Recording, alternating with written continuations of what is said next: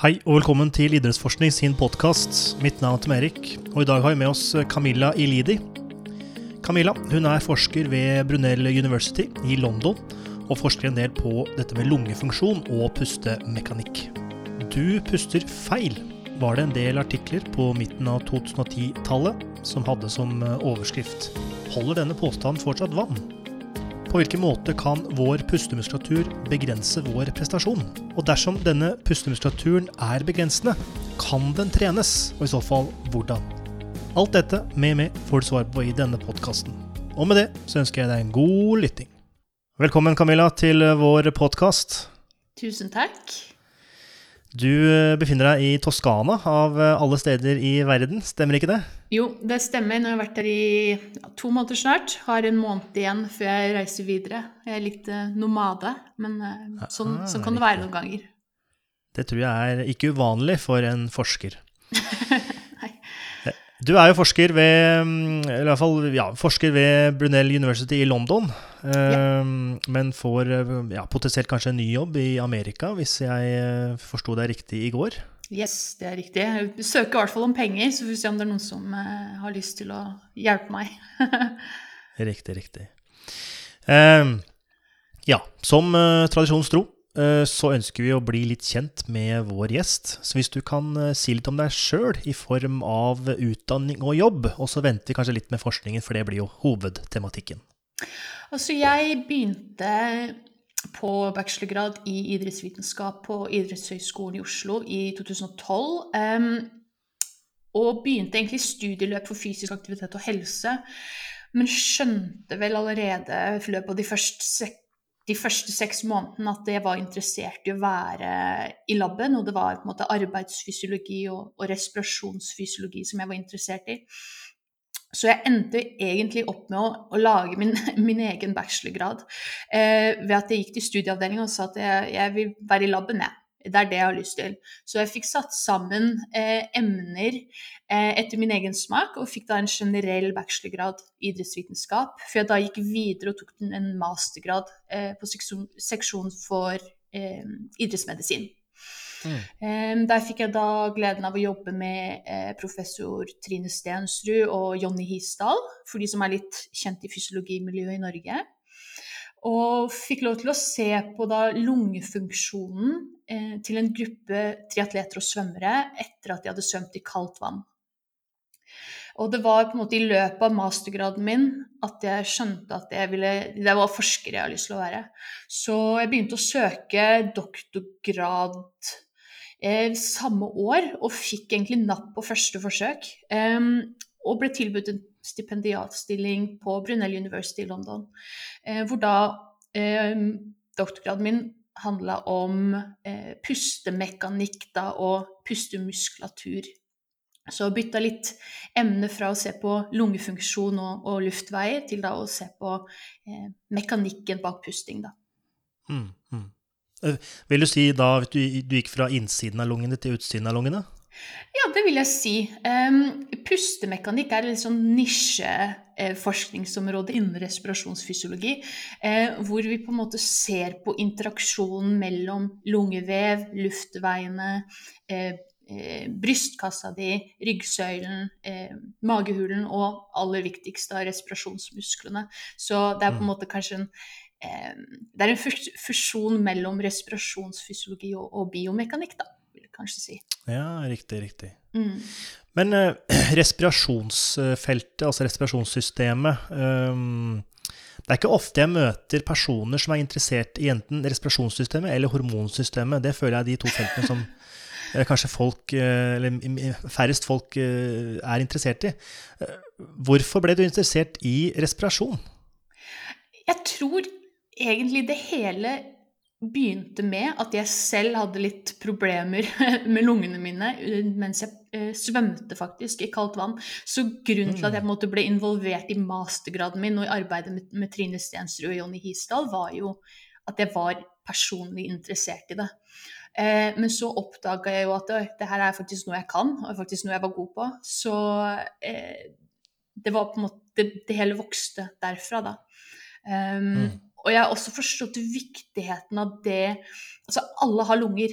Alle puster. Selv de som ligger assist, på assistert ventilasjon på sykehus, har et behov for å puste. Eh, så det her er ikke bare noe som gjelder en mindre gruppe individer, f.eks. eliteutøvere eller eh, en liten gruppe pasienter, men det her er noe som gjelder alle personer. Um, mm. Så så jeg, jeg, føler på en måte at Det sier jo alle forskere at ja, det driver med er kjempeviktig. Men jeg, jeg, føler, jeg, føler, faktisk at det, det, er viktig, fordi det her gjelder alle. Ikke sant, ikke sant. Ja, det er eh, Ja, eh, helt, helt enig i det. Ehm, ja, du har jo sagt litt om det eh, i forhold til hovedtematikk. Respirasjonssystemet. Ehm, du har nevnt litt dette med pustemuskulatur og og eh, ja, både mekanikkene, innsiden og utsiden av, av, lungene, og med mer.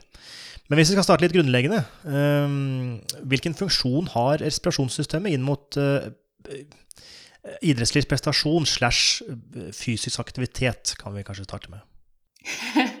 altså, respirasjonssystemet har Eh, for idrettsprestasjon så handler det jo om at vi ønsker å få oksygen til musklene. Og den måten vi mm. gjør det på, er jo via lungene. Eh, men sånn biologisk sett så er det jo hjernen vår som trenger oksygen. Så mange av de fysiologiske responsene og reaksjonene vi ser f.eks. når vi starter aktivitet, altså det at vi øker ventilasjonen vår, øker pustefrekvensen, øker altså eh, volumet vi puster, er jo rett og slett for at vi må sørge for at hjernen alltid har nok oksygen. Men dersom vi er friske, så skal jo selvfølgelig ikke det være, være noe problem. Og da, da, blir jo på en måte det andre kravet er jo at muskulaturen vår og organene våre skal, skal få oksygen. Da. Mm. og måten det skjer på, er jo er jo via lungevevet. Luftveiene og lungevevet over da i blodet, som transporterer oksygen rundt. Eh, men det jeg vil si mange glemmer i den prosessen, er jo at eh, inspirasjon er jo en aktiv prosess. Og det betyr at det tar muskelkraft for å utvide brysthulen, for å skape det negative trykket som trekker lufta inn i lungene. Så mm. uten den muskelaktiviteten så får vi faktisk ikke pusta inn. Um, Ekspirasjon, altså det å puste ut, er en passiv prosess. og Det betyr at når vi har brukt da muskelkrafta vår til å utvide brysthulen, så vil brysthulen naturlig trekke seg sammen igjen av seg sjøl. Det trenger vi ikke noe kraft til, særlig i hvile. Eh, og det er jo en, et steg av den prosessen som jeg føler mange glemmer når vi snakker om altså, eh, pusting og ventilasjon. At det, vi, vi trenger faktisk pustemuskulaturen vår for hvert eneste pust vi tar selv når vi er i mm. hvile. Men øh, når det kommer til respirasjonssystemet og kanskje idrettslig prestasjon, eller, eller for så vidt fysisk aktivitet, uh, når er det enten lungene i seg sjøl eller musklene rundt som bidrar til denne aktive prosessen? Når er det de blir en begrensning, eller er de en begrensning? Altså Puster vi ikke alle fint og flott, eller er det mer nyansert enn som så? Det var eh, mange spørsmål og mange svar. Nå er det sånn, Hvis vi tar i hvile først, da, mm. så er det sånn at de aller, aller fleste Når vi puster naturlig, sånn som vi gjør her og nå, så er det den mest effektive måten å puste på. Eh, mm. vi trenger ikke å jobbe noe ekstra for å endre pustemønsteret vårt. Det er som regel en grunn til at vi puster sånn som vi puster. Det er mest sannsynlig den mest effektive måten vi kan puste på med den eh, skal vi si, biomekanikken vi er født med, altså den eh, kroppen vi er født med. Um, nå er det sånn at lungene som regel ikke er sett på som en begrensende faktor for idrettsprestasjon, med mindre du er ekstremt godt trent. Og det kommer jo av at du da har et så stort blodvolum og slagvolum at blodet blir transportert så fort rundt i kroppen din at de rett og slett passerer lungevevet så fort at de ikke får tid til å eh, skje en gassdiffusjon i lungevevet ditt. Og det gjør at de eh, veldig godt trente utøverne da kan risikere å bli desaturerte. Altså oksygennivået i blodet deres kan, kan, falle når de kommer opp i veldig høy intensitet. Eh, det er kanskje den mest åpenbare begrensninga som altså respirasjonssystemet har for prestasjon.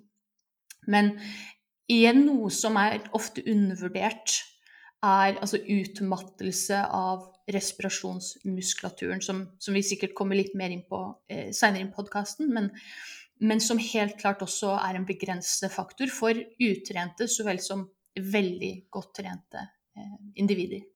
Så hvis vi da beveger oss ut, uh, også, um, til utsiden, eller pustemuskulaturen, hva er det da er det vel diafragma og ja, alle disse latinske navnene, interkostalmuskulaturen og ja, du, dette kan du bedre enn meg, Camilla, så hva snakker vi om her? Ja, altså det Hovedmuskelen vår for inspirasjon altså vi har, Først og fremst, vi har to sett respirasjonsmuskler, eller pustemuskler.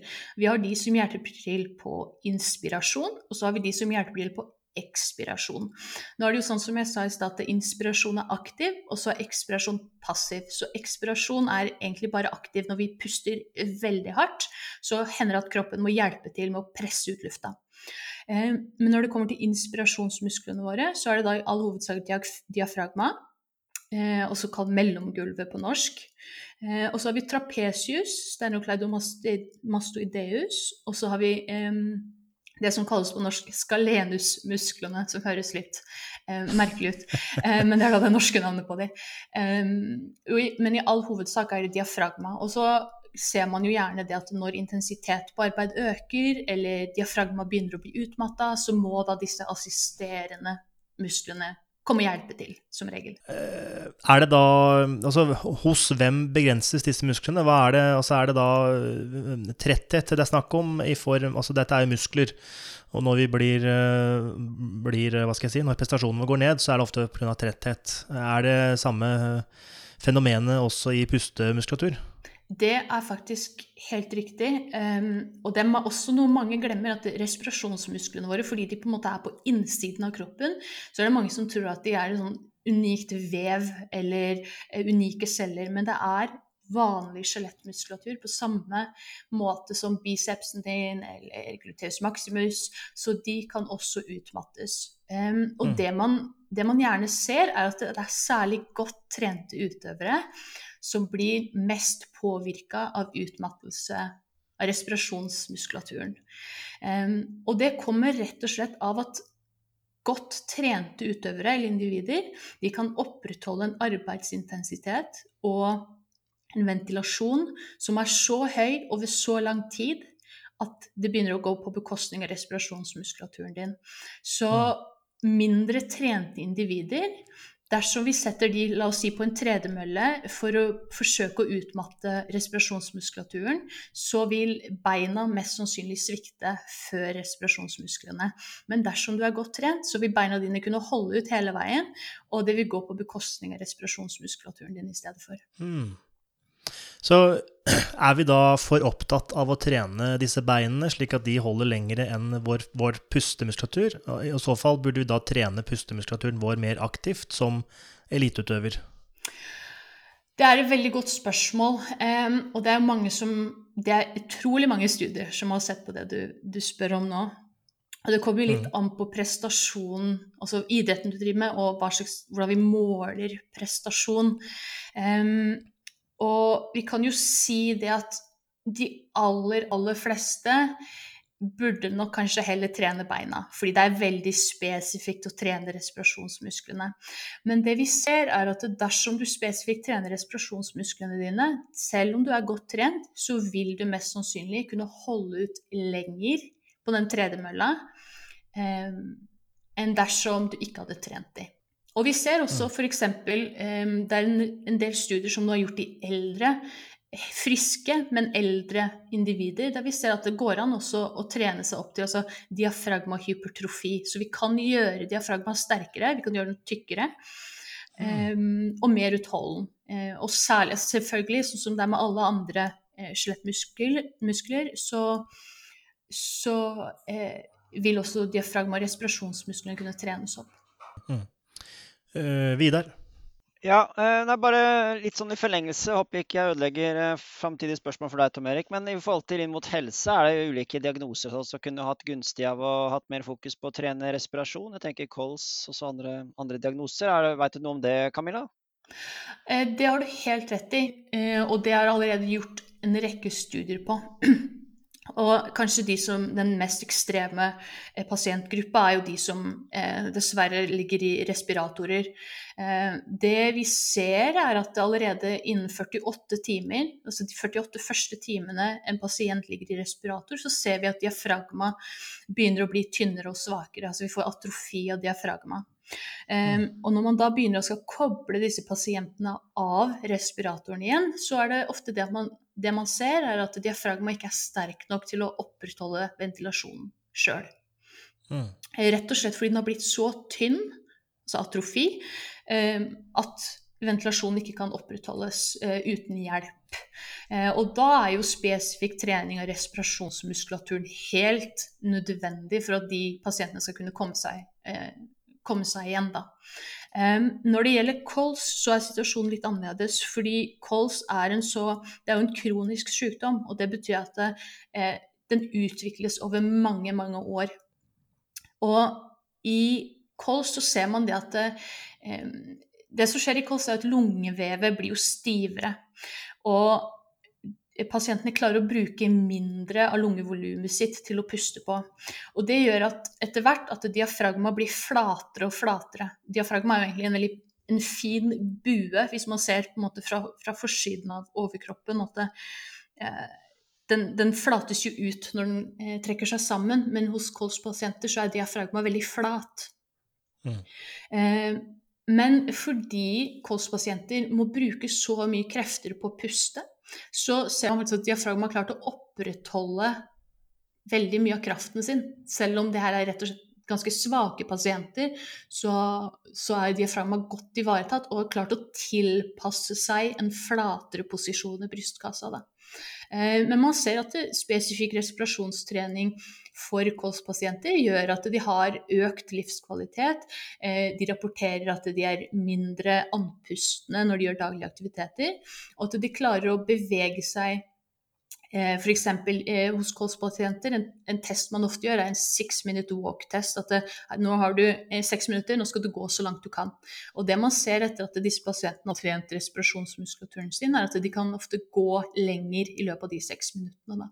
Så, så, spørsmålet ditt er veldig passende, og, og det, er, det, er, veldig mye litteratur på det nå faktisk, som viser at det, trening av respirasjonsmuskulaturen er eh, veldig bra for pasienter. Mm.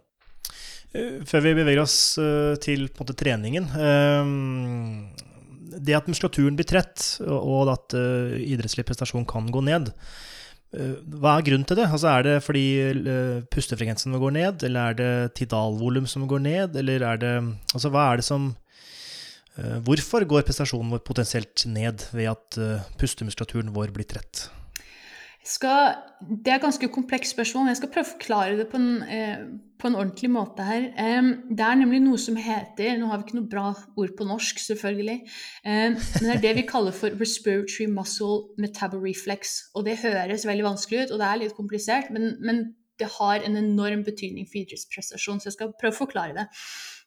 Fordi det som skjer når diafragma begynner å bli utmatta, er at den begynner å sende ut avfallsprodukter, sånn som alle andre skjelettmuskulatur gjør når det begynner å bli utmatta. Eh, det mm. som er med diafragma, er at den også inneholder det som kalles for afferente nerveendinger.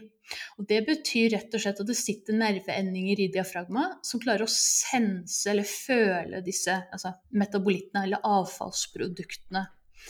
Um, og det sender da et signal opp til hjernen som sier at eh, nå, nå, må vi prøve å roe ned litt, fordi hvis vi fortsetter den intensiteten her, så, så kan ting begynne å gå galt.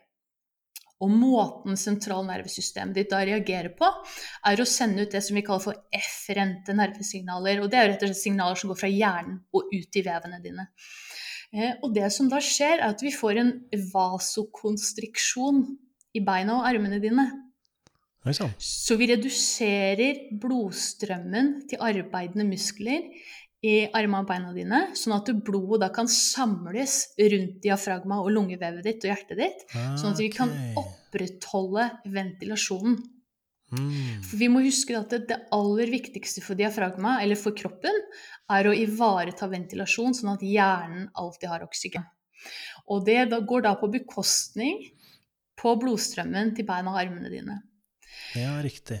Og hvis man klarer å legge sammen to og to, så skjønner man kanskje det at dersom du nå står og har la oss si, to kilometer igjen på en sprint i Norgescupen i langrenn, eller du er halvveis i en etappe på eh, sykkelritt, eller hva det enn måtte være, så står du nå med mellom 20 og 30% mindre blod i armen og beina dine. Mens diafragma vil ha masse blod eh, og tilstrekkelig tilgang på oksygen. Eh, men du vil i hvert fall ikke kunne klare å øke arbeidsintensiteten din. Du vil mest sannsynlig ikke klare å vedlikeholde den. Eh, og hvis du lar det her gå for lenge, så må du mest sannsynlig avslutte aktiviteten. Rett og slett fordi det synes det er så ubehagelig å puste og holde på. Og eh, skjelettmuskulaturen din i beina vil også utmattes. Rett og slett fordi vi blir ikke kvitt avfallsstoffene, og vi får ikke tilført tilstrekkelig oksygen. Så det vil jeg si er den, den aller altså største og viktigste konsekvensen av utmattelse av respirasjonsmuskulaturen. Og det er, altså, jeg tror de første studiene som viste det her, var på tidlig 2000-tallet. Og det, det endra på en måte hele altså paradigmet da innen eh, pustemekanikk. At vi klarte å, å finne det her. Um, så veld, veldig spennende område. Ja, absolutt. Det, var, um, det gir jo veldig mening, egentlig. Mm. Uh, så det er jo absolutt. Men uh, når vi kommer da til trening av disse musk musklene, uh, og du snakker jo om atrofi, hypertrofi, og, og at det, det, er en vanlig skjelettmuskulatur. Og når jeg tenker da på styrketreningsmetoder, så er det jo tung styrketrening, eksplosiv styrketrening. Men det er jo vanskelig å Eller hvordan er det man belaster denne muskulaturen, annet enn ved å puste tungt eller mye eller raskt eller Altså, hvordan, hvordan, er det man trener disse musklene? Det, du har to former, eller to måter du kan trene eh, respirasjonsmusklene dine på. Den første jeg vet jeg at dere kom litt inn på i en tidligere episode dere hadde med core training. Um, hvor mm. gjesten deres også snakka om hvordan faktisk det å gjøre helkroppsøvelser aktiverer kjernemuskulaturen. Og det er helt riktig. Så det vil jeg si er en mer generell eh, Eh, generell måte å aktivere respirasjonsmuskulaturen din på. Fordi vi må huske at respirasjonsmuskulaturen eh, Jobben dens er ikke bare å puste eller sørge for ventilasjon, men det er også det å lage et trykk i bukhulen, som f.eks. du bruker når du gjør markløft eller knebøy eller snatch eller hva den måtte være. Mm. Så den muskulaturen blir også aktivert når du er på treningssenteret og gjør vanlige øvelser. Eh, men dersom vi snakker om spesifikk trening av respirasjonsmuskulaturen, så er det da at man puster gjerne mot, eller inn, gjennom en, et munnstykke med motstand i. da. Eh, og den motstanden kan som regel eh, eh reguleres eh, individuelt, sånn at eh, en idrettsutøver trenger ikke å puste i samme motstand som en, eh, en kolspasient f.eks., men at man regulerer den etter, etter behov og treningsstatus. Hvordan regulerer man det der? Altså er det omkretsen av altså det å puste gjennom et sugerør, eller, eller, er det andre ting man kan belaste med? Ja, du er faktisk helt riktig. Eh, de fleste av disse treningsapparatene jo, eh, ser jo ut som Jeg vet ikke hvordan jeg skal forklare det, men det er jo et lite munnstykke eh, som du gjerne biter over, så det er helt tett rundt munnen. Og så stiller du da inn omkretsen på eh, hullet du da puster gjennom. Så som regel er jo det hullet veldig lite. Du kan jo selv tenke deg de gangene du har prøvd å, å suge luft gjennom et sugerør. Det tror jeg sikkert vi alle gjorde da vi var et barn og lekte dette. Var, sugerør var et snorkel. Eh, det er et ganske mm. stort hull, og det var jo ikke egentlig noe problem. Så du kan jo tenke deg at hvis du skal prøve å lage en motstand på inspirasjon, så må det hullet være veldig lite, da. Um, og i forhold til treningsopplegg som gjerne kjøres, så er det som regel på 50 av, det, av maksimal kraft som du kan utvikle. Så det er relativt lav intensitet. Eh, men da du, da du, puster gjennom den motstanden kanskje eh, tre-fire minutter, eh, tre-fire ganger om dagen over en da gitt periode. Så det, det det er, litt, eh, det er litt jobb hvis du skal trene spesifikk eh, respirasjonsmuskulatur. Riktig. Og gjøres, det, gjøres dette her blant uh, toppidrettsutøvere i Norge eller i verden? Jeg, jeg, har ikke kommet over noen som gjør det. Eh, de, alle tilfellene jeg har sett av spesifikk trening og respirasjonsmuskulatur, er som regel gjort gjennom studier. Eh, jeg har hørt og sett noen bilder av altså, grupper i Kina som gjør det, idrettsgrupper. Ehm, men mer enn det eh, har jeg faktisk ikke sett. Nå har jeg jobba med det her i over fire år. Ehm, det kan være det gjøres, eh, men det er ikke sikkert idrettsutøvere eller trenere vet hvordan det, gjøre, hvordan det skal gjøres. Det, det, vet jeg faktisk ikke. Vidar? Uh, nei, bare en sånn type ting til dette. Dette tror jeg egentlig er for å trene noe annet. Men det, det kan jo være at, to fluer, at man slår to fluer i samme smekk. Men jeg ser en del på sosiale medier, en del utøvere som kjøper sånn type masker uh, som jeg tror fungerer litt sånn som gassmaskene fungerte når jeg var i militæret. Vi blei piska rundt og løpe rundt med gassmasker. Uh, så tror jeg kanskje tanken med de maskene er oksygen, altså inntaket. At man skal på en måte tenke høydetrening. men hvert fall hvis når jeg, når jeg sprang rundt i militæret med gassmaske, så var det ganske forferdelig å puste, da. Men jeg er usikker på om det har noe effekt på, på, på pustemuskulaturen i sånn sett. Men eventuelt det noe, kan det være noe rundt det. altså At du rett og slett eh, har ulike typer masker som skal på en måte hindre oksygenet. At du må kompensere med å puste mer eller hardere eller på en annen måte. Eh, du har faktisk helt rett. Eh, nå vet jeg ikke helt hvilke masker du spesifikt eh, henviser til, men jeg vet at en del idrettsutøvere bruker altså Tidligere så ble det kalt altitude masks, for at det liksom skulle simulere det å være i høyden, altså gi deg lavere oksygeninntak, som da stimulerer til de fysiologiske responsene til å da øke oksygenopptaket ditt. Men det viser seg det at det rett og slett ikke gjør det de, de eh, påsto. Eh, så de fikk Jeg tror de kom i ganske store juridiske problemer etter de påstandene, og så måtte de på en måte endre eh, endre påstandene deres litt da, etter de etter mm. hele den perioden. Eh, men nå så tror jeg de maskene går som trening av respirasjonsmusklene, fordi det vil være en økt motstand, enten på inspirasjon eller ekspirasjon. Det, det vet jeg ikke. Um, men det gjør rett og slett at arbeidet til respirasjonsmusklene dine må øke når du har på deg den maska. Og da kan man jo kanskje spørre seg om om det vil stimulere til hypertrofi, eller hva målet deres er, det, det vet jeg ikke. Vet du, vet du noen begrunnelse til hvorfor de brukte maska? Eh, nei, for å være helt ærlig så er det bare noe jeg har observert. da. Eh, som sånn type opplært til å være litt kritisk, så, så jeg liksom, tenker jeg, hva, hva, er poenget? Men jeg har i hvert fall eh, sett det litt i forhold til kampsport og kampsportutøvere som på en måte bruker det når de løper. Jeg trodde egentlig det var det du sa noen først, at det var i forhold til dette med med å trigge oksygenopptaket. Men eh, det kan godt tenkes at de har brukt det for andre grunner. Det, som regel så er det ofte bilder som bare er lagt ut uten noe mer forklaring på hva man, hva man ønsker å stimulere. Så, så, jeg er egentlig like, like spørrende som deg. ja. Ja, så ser det jo kult ut, da. Det ser jo litt, uh, du ser jo litt eliteutøver ut når du har på deg maske i laben.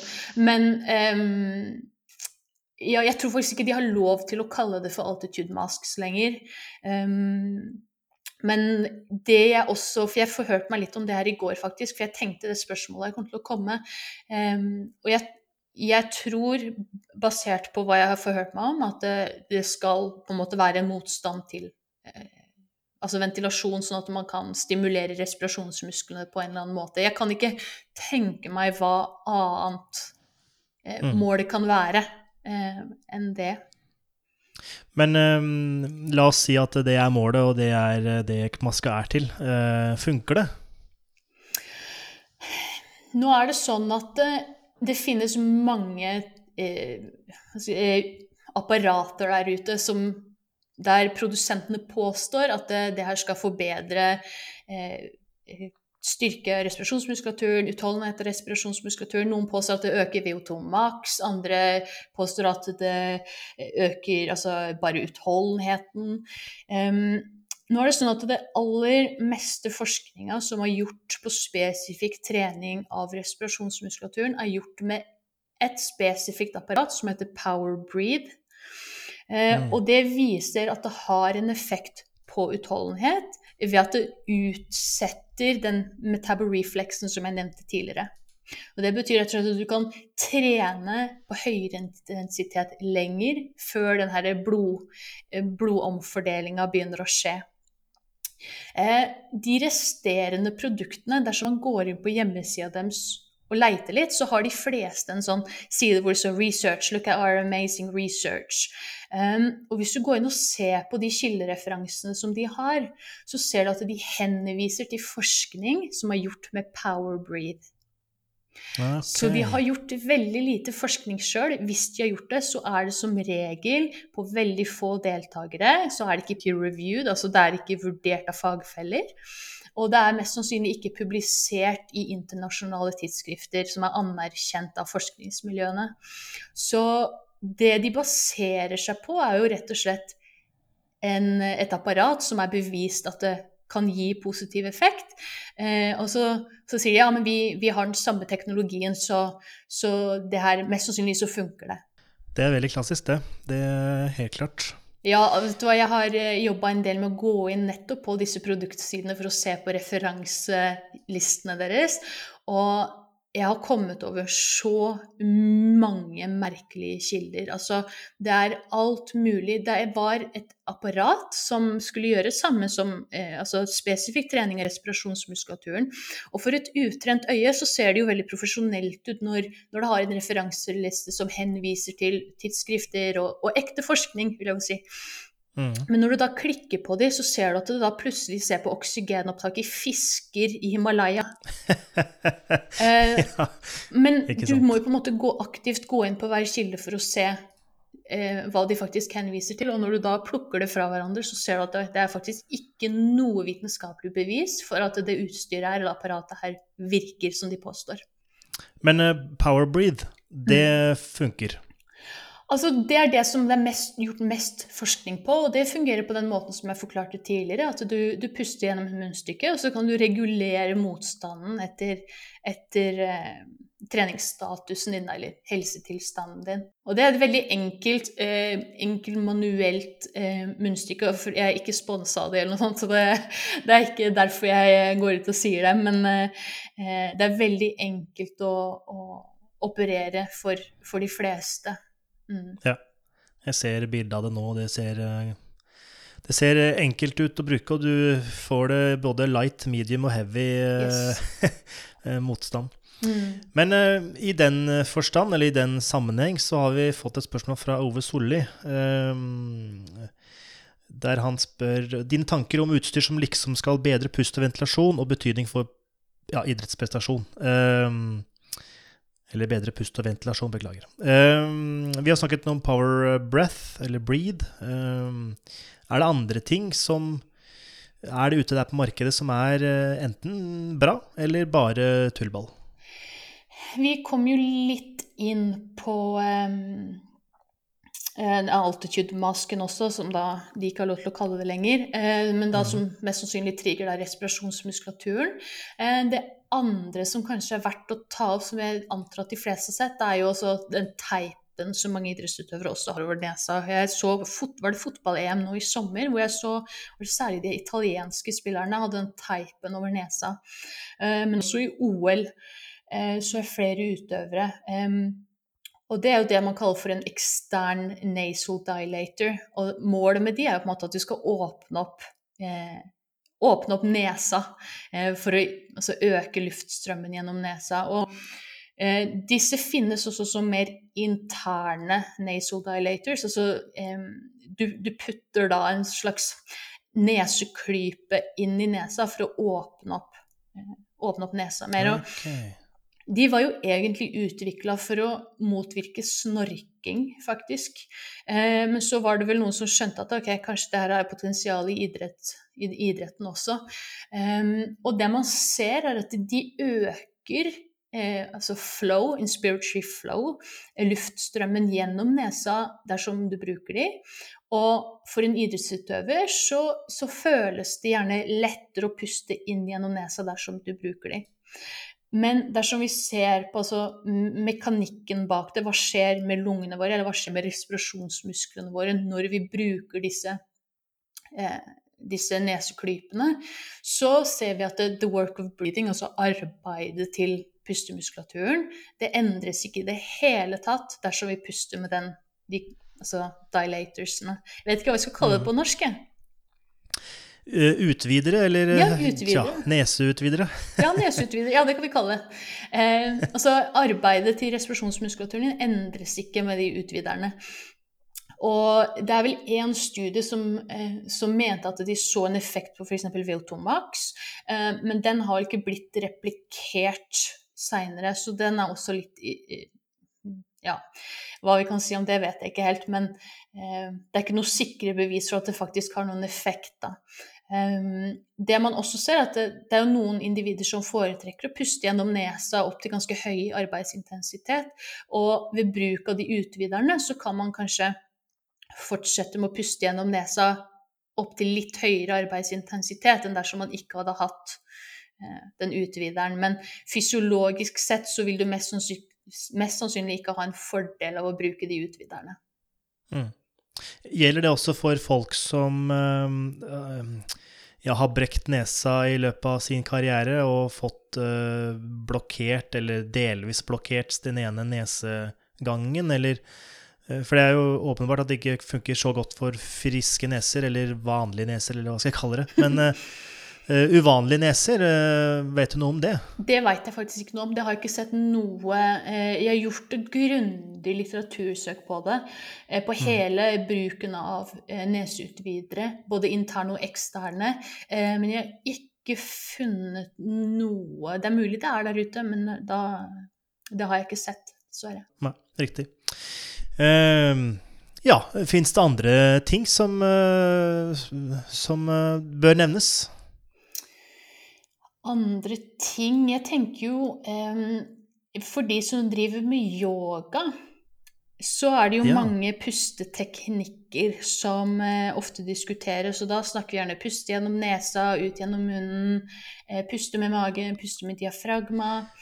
Eh, Riktig. Jeg, jeg stopper deg litt der, Camilla, for jeg, eh, der fikk vi faktisk spørsmål nå fra eh, en som heter Einar Vassbakk, tror jeg det er tidligere gjest. Uh, skal vi se. Uh, pusting er og blir mye brukt fra gammelt av i yoga, men brukes også i fridykking osv. Uh, ehm, her er det egentlig veldig mange spørsmål, men jeg tar det spørsmålet du skulle starte med. Uh, er det bedre å puste inn gjennom nesa og ut gjennom munnen ved trening enn f.eks. å bare puste gjennom munnen? Altså, det er to grunner til at det kan lønne seg å puste gjennom nesa. Um, og nå er vi først og fremst så snakker vi hvile først.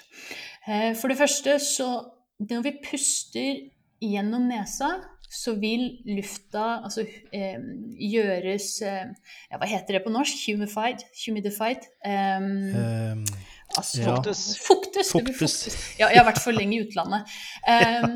lufta vil fuktes og varmes opp. Og særlig for astmatikere og de med sensitive luftveier, så vil det her være en fordel. Fordi eh, bronkial konstriksjon trigges jo ofte av kald og tørr luft. Så det å puste gjennom nesa vil, vil ha store fordeler.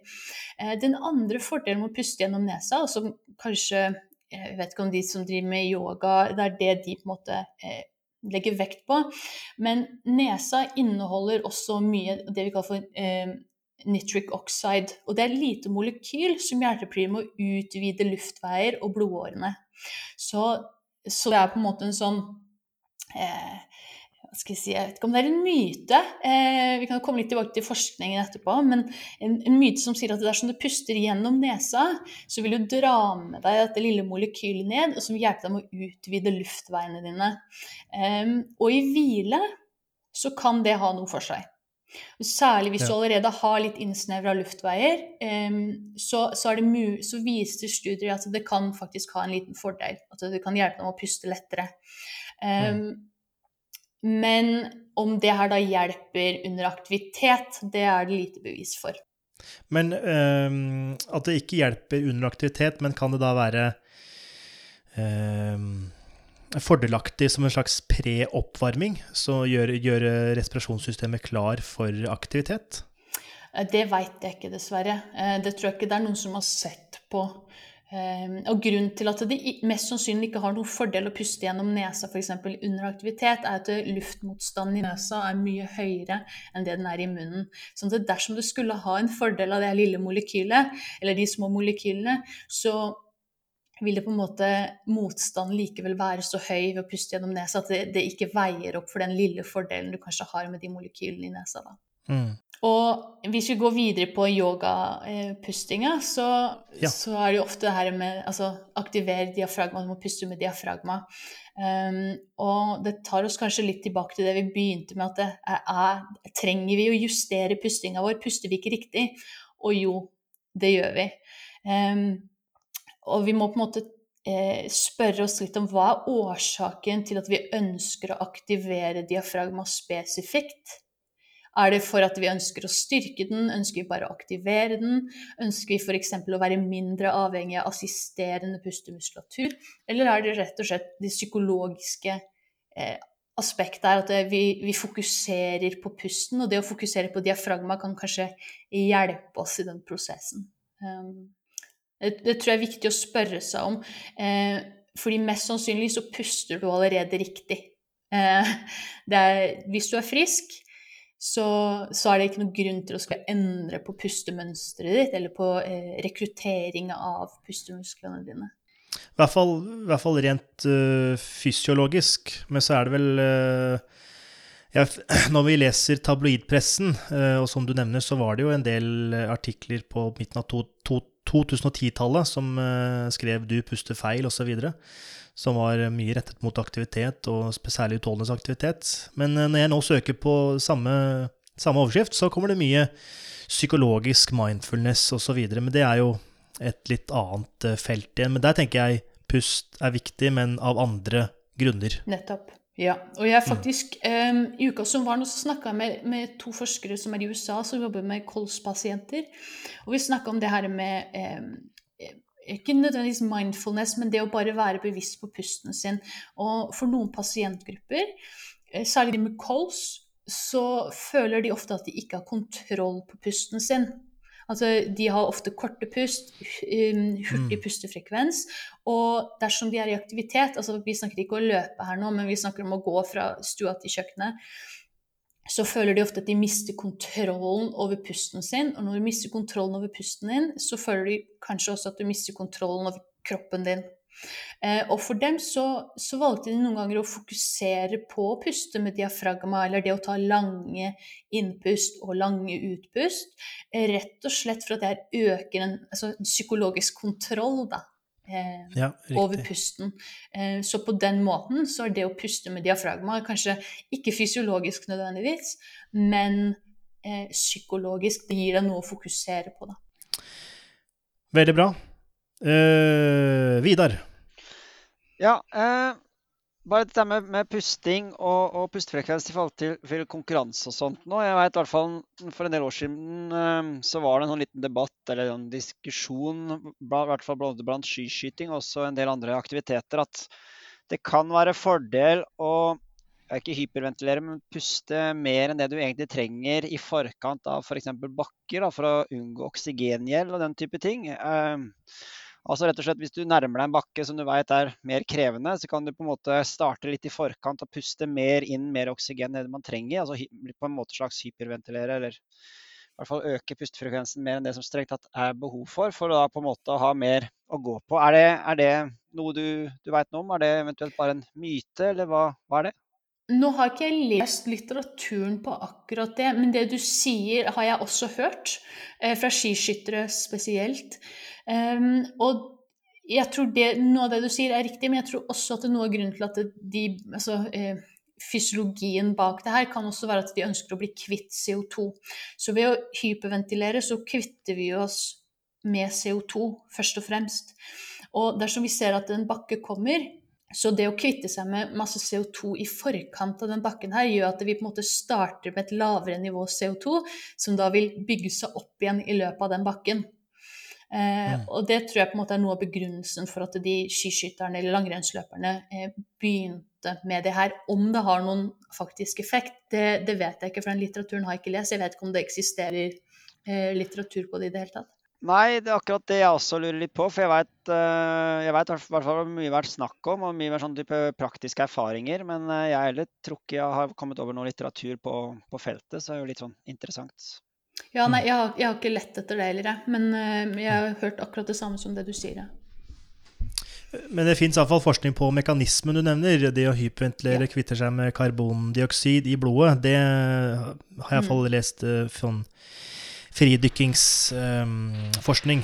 Ja. um, mm. Men om det hjelper på i skiskyting, langrennsprestasjon, det er noe usikkert. Mm.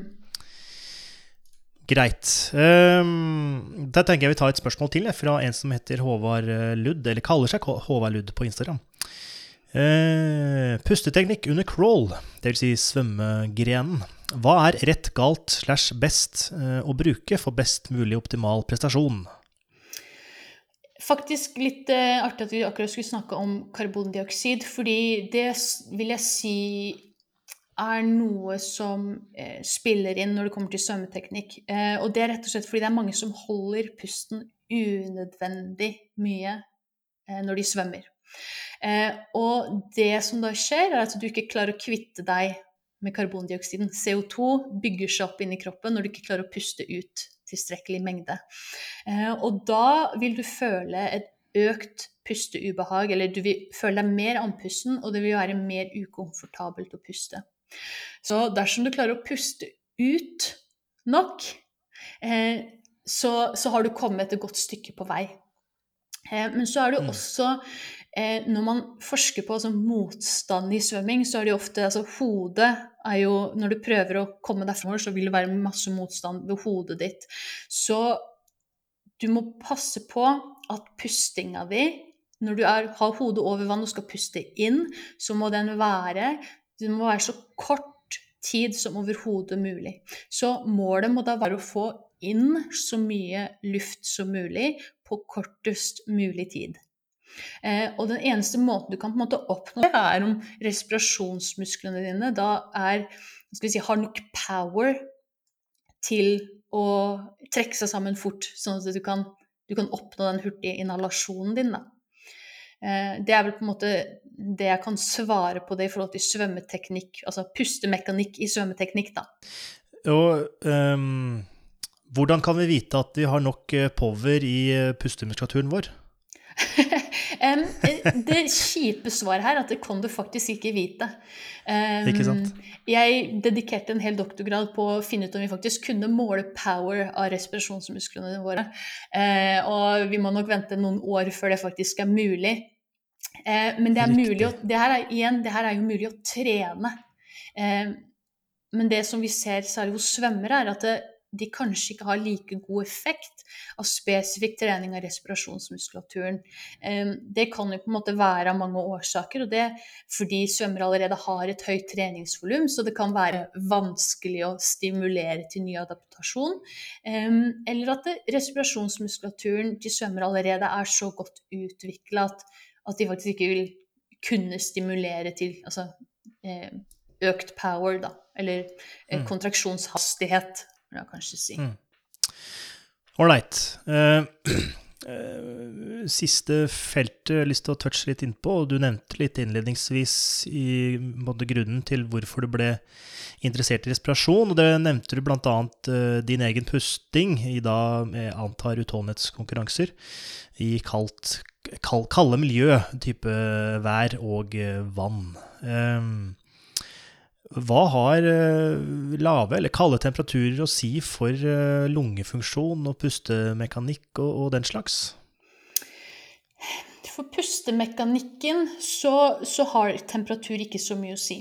Men det som mest sannsynlig vil skje, særlig hvis du allerede har litt følsomme luftveier eh, Astmatikere, det jeg vet dere, dere snakka om i en tidligere episode, at, det, at kald temperatur ofte kan trigge til f.eks. astmaanfall eller altså bronkial konstriksjon. Um, og, og, det gjelder jo på en måte um, skal si astmatikere, men også de med følsomme luftveier allerede. Uh, når vi ser at det, uh, det er en bronkial konstriksjon, så, så, vil jo respirasjonsmusklene dine måtte øke arbeidet sitt også for å overkomme den nye motstanden i luftveiene dine. Mm. Eh, men mekanisk sett så er det ikke Det har ikke noe å si om du er i kald eller varm eh, luft på Altså hvordan eh, respirasjonsmusklene dine eller brystkassa di oppfører seg. Eh, det er vel eh, Endringen vil skje ved luftveiene dine, da. Riktig. Men når vi tenker oss uh, et triatlon som starter med svømming, og la oss si at det er triatlon uh, ja, Vanligvis er det vel i uh, sjø eller hav, eller i hvert fall ofte kalde vann. la, oss la oss si Norseman. Og når du nevnte da i stad at når pustemuskulaturen din får en tretthet, så sender mye av blodet til eh, den pustemuskulaturen for å opprettholde den. Mm. Og da vil jo beina eh, miste mer. Eh, hvis, hvis, denne trettheten skjer under svømming, og vi da skal opp fra vannet og begynne å sykle, og hvis vi da føler på en tretthet, dauhet i beina, men vi har, vi har ikke brukt beina så mye i svømming, kan det være en indikasjon på tretthet i pustemuskulaturen? Mest sannsynlig Altså, det er veldig komplisert med svømming i kaldt vann. Um, rett og mm. slett fordi vannet er kaldt. Mest, hvis svømminga foregår over lang nok tid, så vil du ha et fall i kjernetemperaturen. Og det er en gruppe eh, forskere på, i Norge som faktisk har studert mye. Eh, Jonny Hisdal og, og Jørgen Mælaug, f.eks. Um, mm. Så du har den kombinasjonen av kaldt vann, du kan mest sannsynlig kald luft, kjernetemperaturen din og hudtemperaturen din begynner å falle.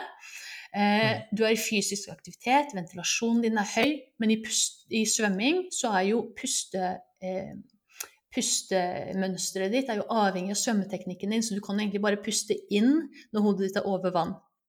Så det er masse som skjer. Eh, og i svømming, og særlig i svømming i kaldt vann, så vil vi si at blodet samles sentralt i kroppen din. Så det blir litt samme effekt som den redistribusjonen ja. av blod som vi allerede ser med utmattelse av Eh, pustemuskulaturen, den skjer egentlig av seg sjøl eh, når vi svømmer i kaldt vann. Så det at beina dine er, eh, føles litt daue når du kommer opp og skal sykle, er nok mest sannsynlig da en konsekvens av det kalde vannet og at du har vært horisontal. Mest sannsynlig også med våtdrakt. Så pustemuskulaturen din er mest sannsynlig ikke utmatta da. Riktig. Mm. Men kan man da tenkes at Um, hvis du trener litt puste, pustemekanikk, eller trener med f.eks. denne, denne dette utstyret som vi nevnte, Powerbreed, tren yeah. litt med den eh, x antall ganger i, om dagen osv., og, så og du merker en mindre dauhet når du kommer opp fra, fra, vannet. For det vannet kan du ikke gjøre noe med. Nei. Det er der uansett, og temperaturen vil selv være svinge litt, kanskje. Ulike arrangement. Men hvis da dauheten har blitt litt uh, mindre pga. kanskje du har trenet med denne, dette utstyret, eh, kan, det, kan, det, skje? Altså, det vil aldri være negativt å forbedre f.eks. For styrken og utholdenheten av respirasjonsmuskulaturen din. Det vil alltid kunne være positivt. Eh, men spørsmålet er på en måte burde jeg heller bruke tiden min på å trene andre fysiologiske parametere. Eh, burde jeg heller bruke pengene mine på eh, vet ikke, komfortable sykkelsko eller eh, ja, noe som kanskje heller vil gi større fordel da, i en konkurranse. Ikke sant. Bra. Eh, jeg føler vi er litt ved veis ende nå. Uh, føler du at vi har vært innom det aller meste, eller er det noe som gjenstår, føler du? Jeg føler at vi er kanskje nødvendig å si at Eh, respirasjonsmuskulaturen Det er vanskelig å utmatte den. Men det man gjerne ser når man prøver å altså, eh, utmatte muskulaturen eh, i forskning, så ser man jo gjerne det at det, som jeg nevnte tidligere, at det er i veldig godt trente individer. Og gjerne arbeidsintensitet over 85 av VO2 max, som vi da ber deltakerne våre om å vedlikeholde eller opprettholde helt i utmattelse. Altså vi snakker falle av tredemølla, utmattelse. Mm. Og det tar som regel 15-20-25 minutter for de utøverne, eller godt trente individene, til å nå det punktet.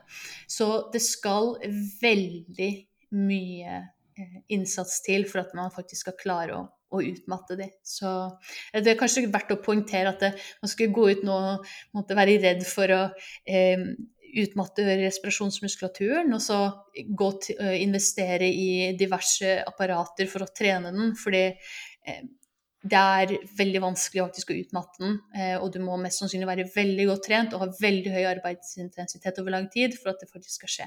Med mindre selvfølgelig man går ut og løper et, ultra, et ultraløp, eh, men da er det på en måte andre mekanismer som også spiller inn, da. Fint. Godt uh, oppsummert.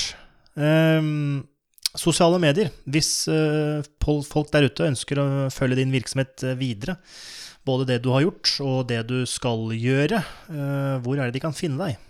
Jeg er i all hovedsak på Instagram eh, eller på Facebook. Eh, nå har jeg ikke Twitter, fordi jeg prøver å ikke være på så mange sosiale medier. Um, ja, riktig. Men eh, jeg, det mest sannsynlig kommer jeg nok til å være der etter hvert også. Men også på ResearchGate kan du finne all forskninga som jeg holder på med. Jeg driver med ganske mange forskjellige prosjekter nå om dagen, så det er helt klart verdt å følge med dersom man er interessert i i respirasjonsfysiologi og arbeidsfysiologi, da, hvordan eh, pustemekanikk påvirkes av, av utholdenhetstrening og idrett. Riktig. Riktig. Veldig bra.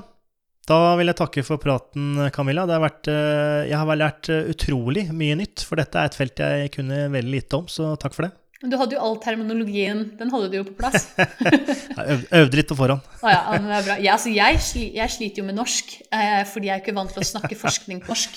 Så det er derfor jeg måtte ta, ta noen engelske uttrykk der. Men altså, de neseutviderne er jo et nytt ord. Ja, ikke sant. Der, der, eh, der har du lært noe, du også. ja.